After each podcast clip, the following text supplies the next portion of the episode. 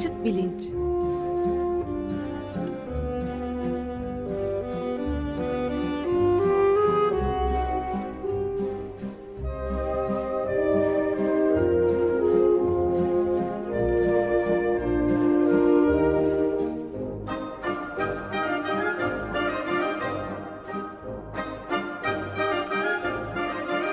Güven Güzeldere ile bilim ve felsefe sohbetleri.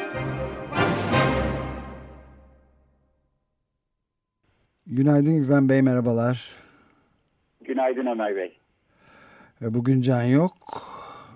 Ben varım ama bir de konuğumuz var. Konuk demek de doğru olmayabilir tabii. İlke Boran radyomuzun ilk kuruluş yılından beri e, uzun seneler bizde çeşitli programlar yapmış klasik müzik üzerine bir arkadaşımız belki tekrar da e, programcı olarak da görmeyi dört gözle bekliyoruz kendisini. Evet, evet İlke hoş geldin. Hoş bulduk. Hoş geldin İlke. Ben e, uzunca bir serinin son programını e, yapmaktayız e, bu programa başlamadan e, çok kısa bir özet geçeyim. Sonra e, İlke'yi tanıtıp sözü ona bırakayım. Serimiz müzik algısının evrimi üzerineydi. Hatırlayacak dinleyicilerimiz. E, müzik algısı için en önemli unsurlardan bir tanesinin ritim hassasiyeti olduğu. Ve insanlar ve diğer canlılarda e, ritim tutmayı mümkün kılan zamanlama mekanizmalarına da bakmıştık. E, programa 7 7 e, serilik e, bu programa e, Doktor İnci Ayhan'ın zamanlama algısı e, üstüne anlattıklarıyla başladık. Sonra ben bir çerçeve çizmeye çalıştım. Ardından Hande Akkan, Özlem Çevik, Fuat Balcı, Muzaffer Çorlu ve Esra Mungan konuk oldular ve konuyu çeşitli yönleriyle ele almıştık. Ee, burada Hande Akkan'a teşekkür ediyorum çünkü e, bizi beni e, İlke Boran'la tanıştırdı. Biz her ne kadar geçen hafta Esra Mungan'la yaptığımız programda müzik algısının evrimi e, konusunu artık bu programla noktalıyoruz demiş isek de e, müzik algısının evriminin yanı sıra tarihinde müziğin ortaya çıkışının de bir şekilde ele alındığı bir program olmazsa e, bu seri eksik kalabilir diye düşünmüştüm. E, İlke ile tanıştırdı.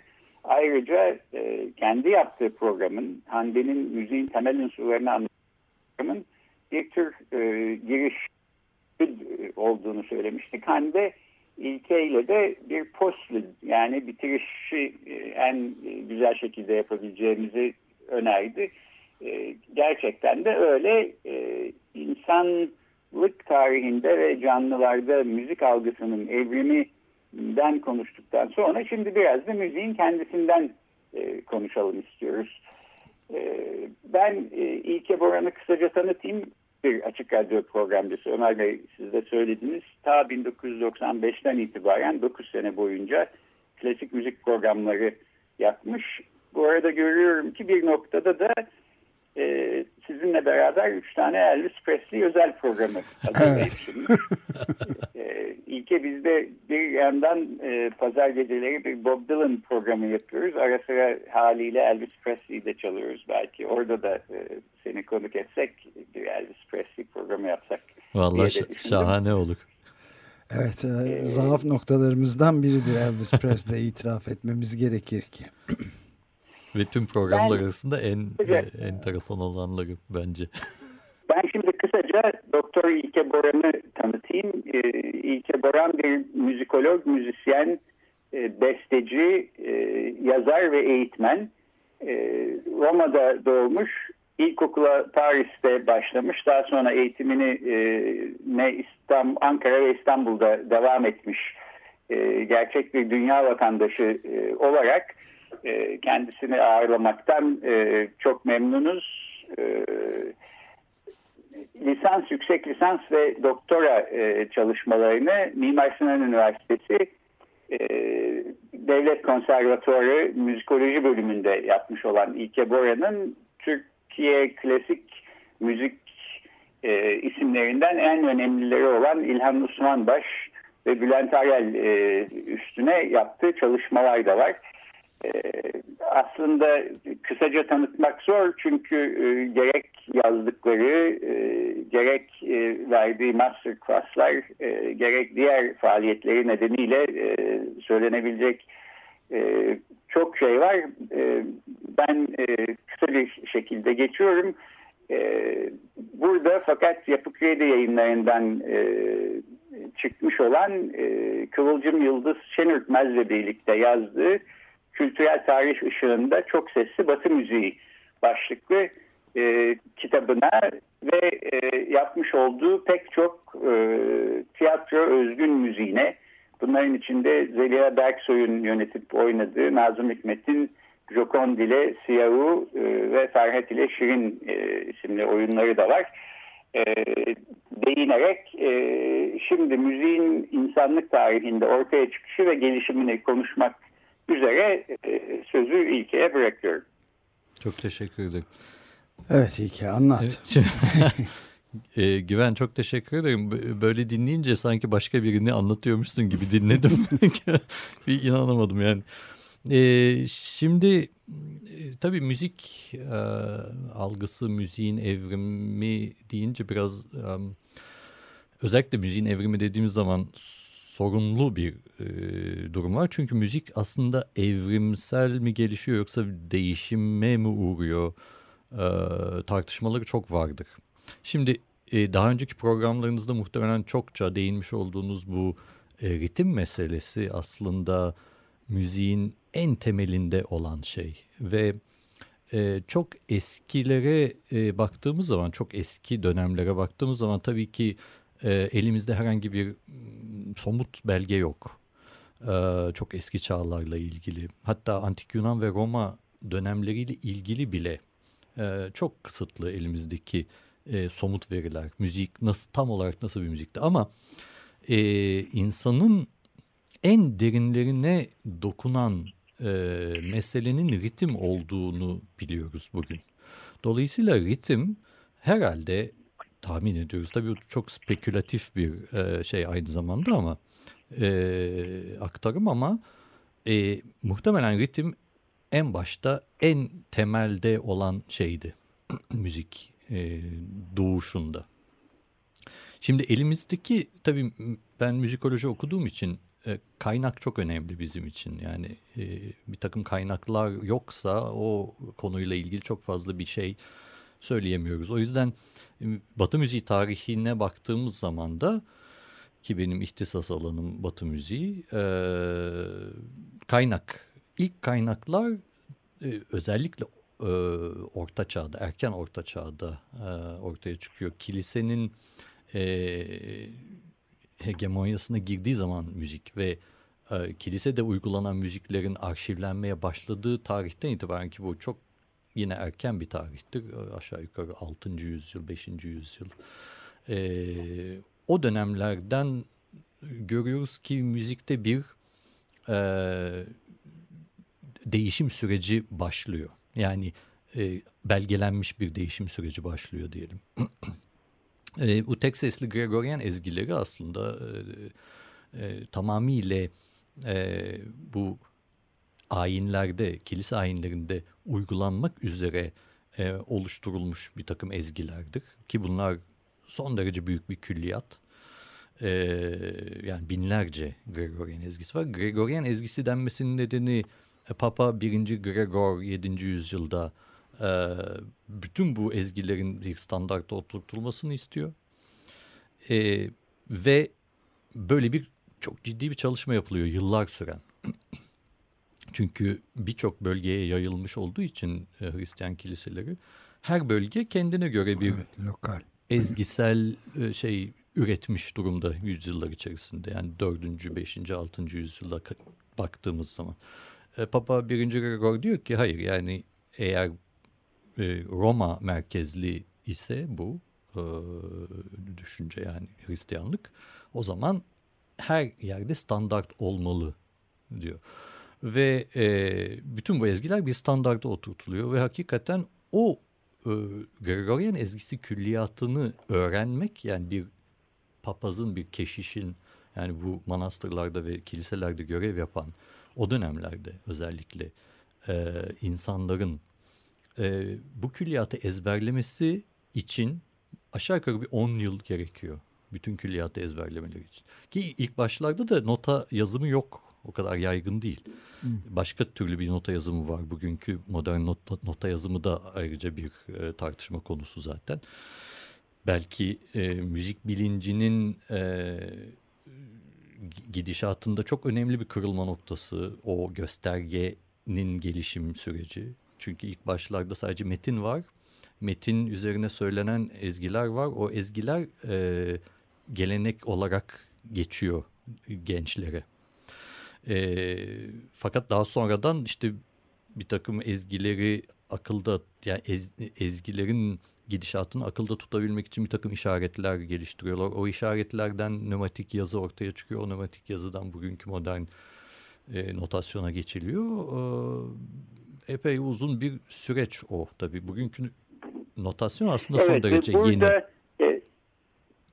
Yani pardon e, referans olarak aldığımız e, bu bu dönem tarihte e, yaklaşık ne zamana denk geliyor? E, yani notasyonun gelişmeye başladığı dönem mi? Evet ve işte Gregorian e, ezgileriyle birlikte müzik tarihi hakkında bir şeyler e, Yedi, anlamaya evet. ve e, kayıtlara bakmaya başlıyoruz. Evet, 7. E, yüzyıl. Yaklaşık Orta Çağ e, içinde bir yerlerdeyiz galiba. Aynen. Orta Çağ'ın hatta başların diyor, Başlı, diyebiliriz. Evet, yani. 7. yüzyıl 7. bayağı yüzyıl. erken yani 600'ler yani. Evet 7. yüzyıl 8. yüzyıl 9. yüzyılda çok ilginç. Yani Batı müziği tarihi için çok önemli bir kırılma noktası yaşanıyor. O işte ilk çok seslilik anlayışı 9. yüzyılda ortaya çıkar. Ee, bu da bu Gregorian ezgilerini e, bir tek hat iken iki hat olarak söylemek. O da aslında doğal bir sürecin bir yansıması. Yani kalın sesli bir papazla ince sesli bir papazın bir oktav farkla söylemeleriyle başlayan bir düşünce. Son derece basit aslında. Fakat baktığımız zaman müzik tarihine bu adımla başlayan bir çok seslilik düşüncesi muazzam noktalara ulaşıyor. Mesela 19. yüzyılda yani o sürece baktığımız zaman e, hakikaten çok ilginç bir e, devinim var ortada. Fakat bu e, çok seslilik ya 9. yüzyıldan itibaren başlayan çok seslilik bilinci e, tabii ki çok hızla gelişiyor. Ve asıl ikinci kırılma noktası 13. yüzyılda karşımıza çıkar. Çok enteresan bir yerde karşımıza çıkar. Paris'te e, Notre Dame Katedrali'nde ortaya çıkar. Notre Dame ekolü denilen çok önemli bir ekol var müzikte. 13. yüzyıla denk gelen. Ve bu Notre Dame ekolünün e, geliştirdiği yeni e, çok seslilik anlayışı e, çok önemli bir kırılma noktası tarihte. Ve bu kırılma noktasının içerisinde aslında mekanla bağlantılı bir mesele var. Yani o katedral anlayışının yani Notre Dame Katedrali o tarihte Avrupa'nın en büyük katedrali olarak inşa ediliyor zaten. O iddiayla inşa ediliyor. Sonrasında katedral çağı dediğimiz o çağlar yani 1200'ler hakikaten katedral mimarisinin sunduğu mekansal imkan ve o mekansal imkanın sunduğu akustik akustik evet imkan bir takım yeni fikirlerin gelişmesine neden olur.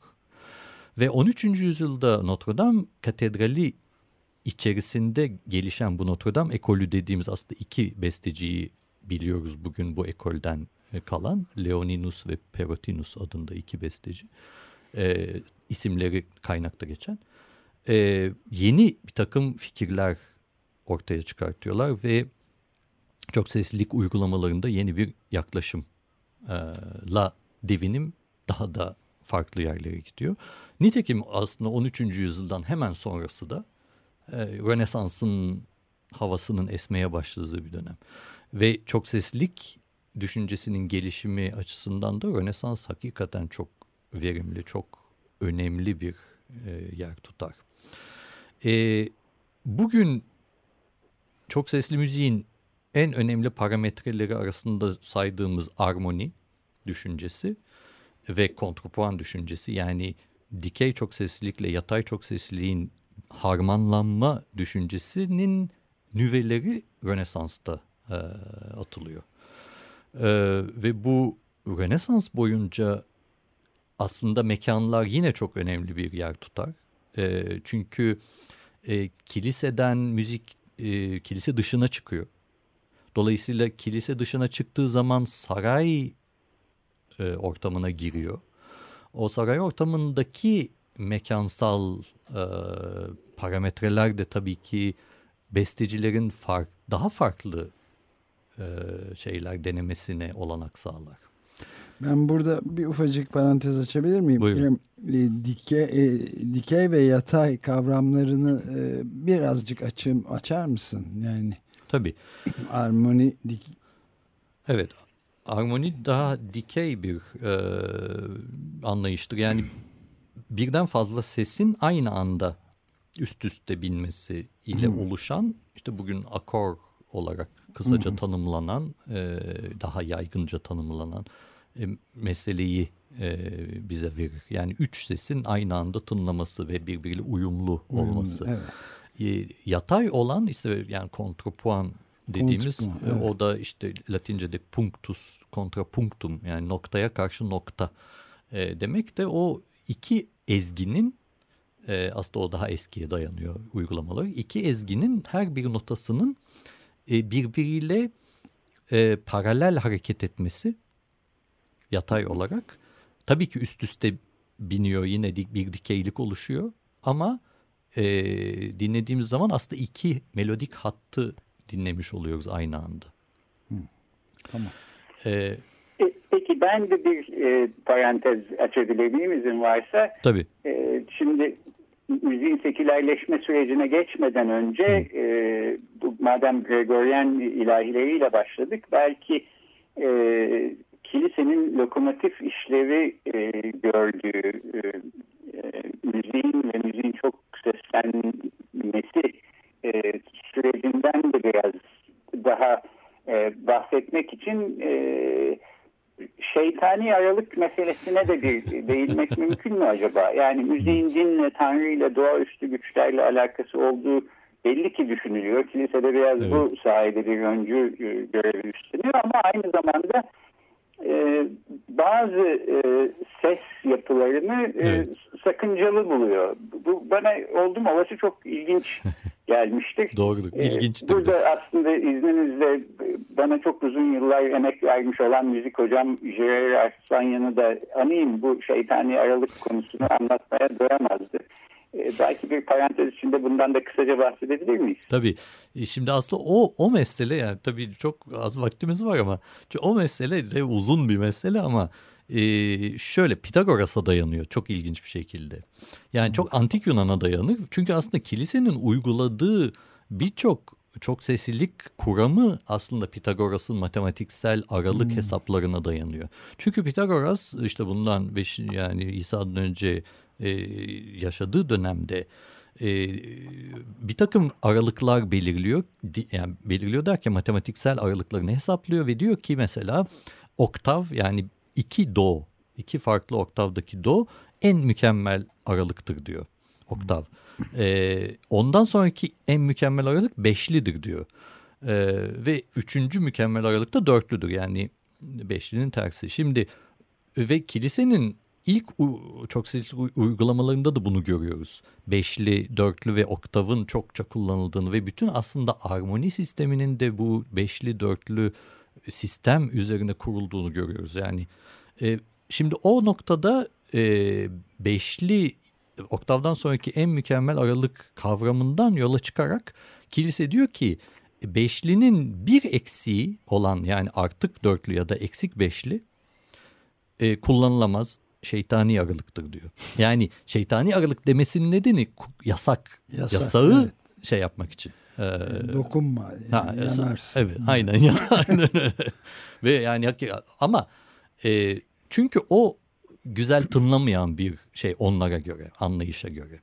Ama tabii sonraki tarihe bakıyorsunuz bütün müzik tarihi yani Mozart'lardan Bach'tan itibaren hatta yani Bach'ın o bütün eserlerinde tabii ki artık dörtlüler e, gırla var yani bir süre sonra onu artık evet, bah, kimse şey din yapmıyor. adamı olmasına rağmen bunu dinlemiyor yani tabii, şeytan yani, meytan dinlemiyor. Tabii zaten armoninin gelişiminde artık o işte prangaları yani dini e, şeylerden e, kuramlardan falan Kurtarıyor. tamamen kopartıp bir gelişim var zaten Jean-Philippe Rameau bu anlamda en önemli meseleler e, kişilerden biridir.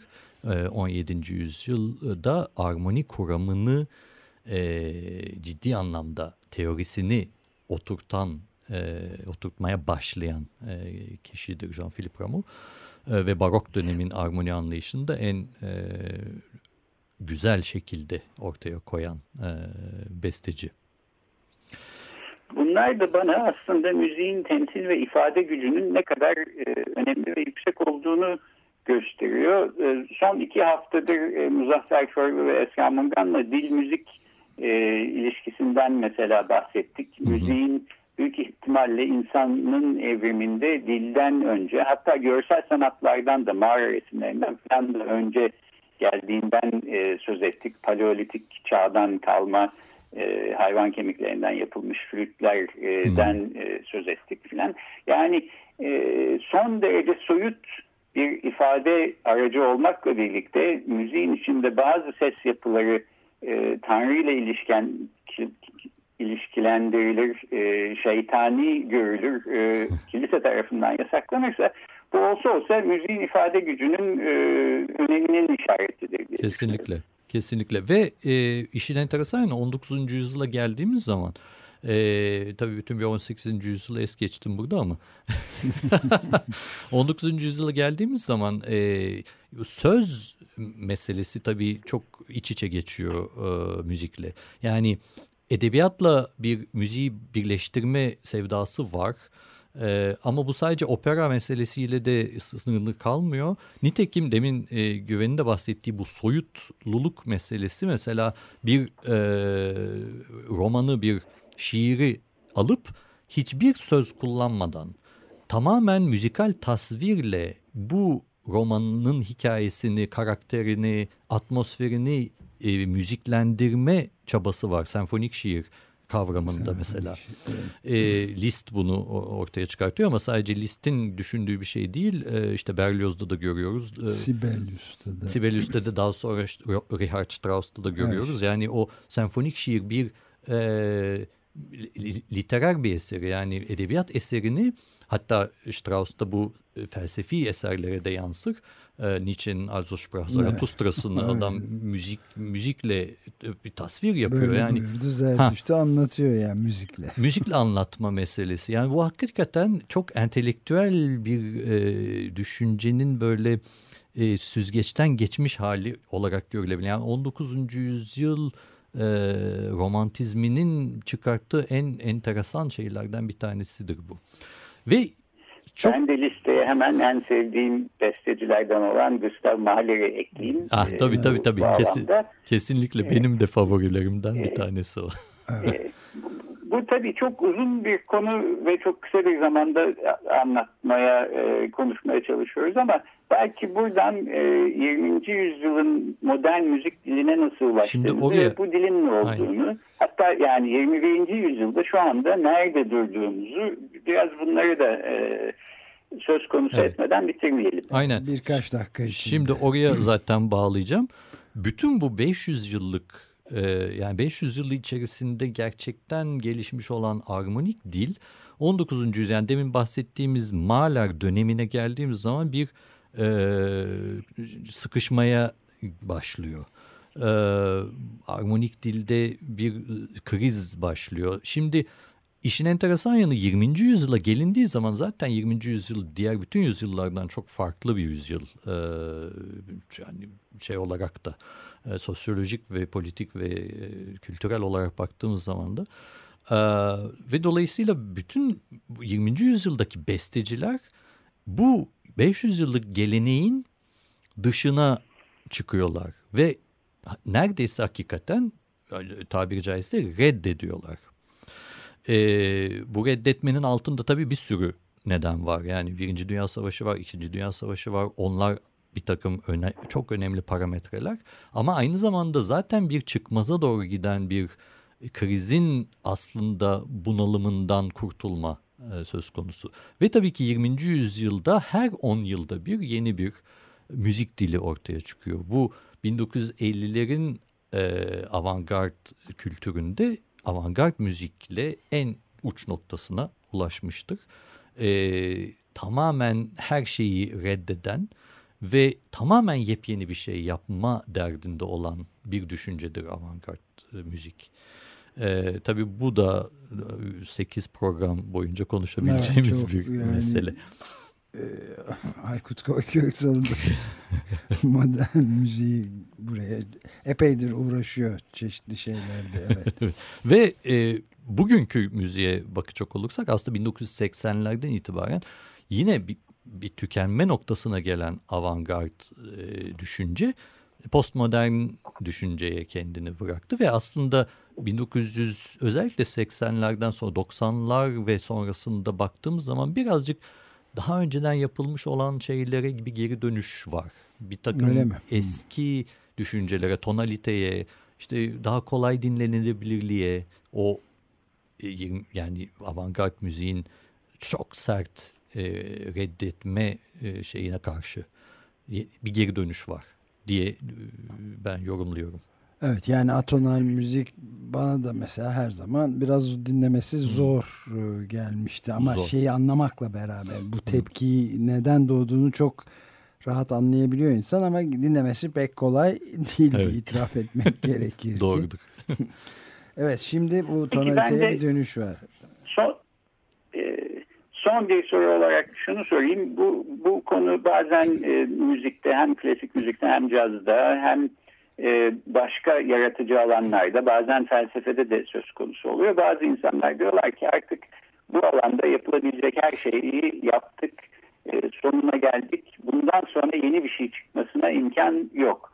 E, bu konuda senin düşüncen nedir müzik özelinde? Şimdi kısmen e, yani kısmen doğru tabii aslında e, şey gibi bu hani felsefede de her şeyi zaten antik Yunan'da söylediler. Bütün felsefe tarihi antik Yunan'a bir dipnottur meselesi de var.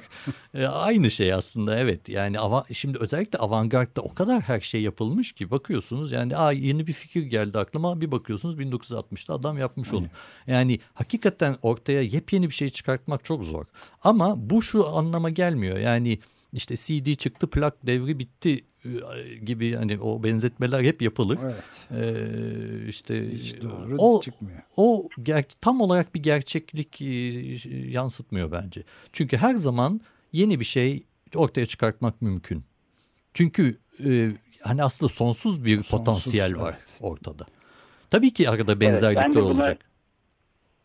Ben de buna çok katıldığımı söyleyeyim. Aslında Hı. insan zihninin yaratıcılığı bence ucu açık bir yaratıcılık. Kesinlikle. Ve bunun ne zaman bir sınıra geldiğini, sona erdiğini e, söylemek e, kimse için adaletli ya da kimsenin haddi değil e, gibime geliyor. E, Programın adı da onun için açık bilinç zaten. evet. evet doğru. E, daha çok konu var ama galiba vaktimizin sonuna geldik. Ee, İlke başka programlarda belki daha değişik yönleriyle daha detaylıca ele almak üzere seni konuk etmek isteriz. Çok ee, teşekkür çok ederim. Çok teşekkür ederiz geldiğin, konuk olduğun için. Ben İlke Boran çok e, teşekkür müzik, ederiz. Ben teşekkür ederim.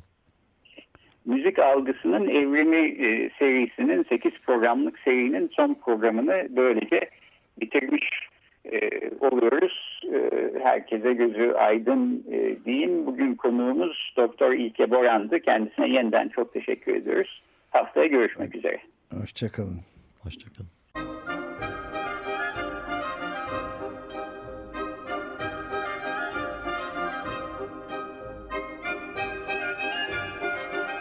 Açık Bilinç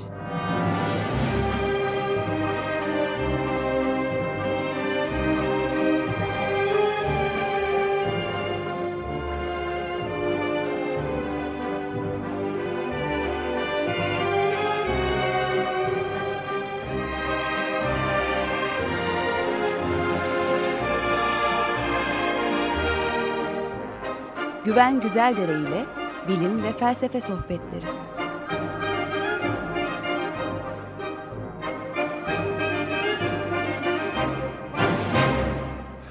Bu şekilde de bitiriyoruz Açık Gazete'yi.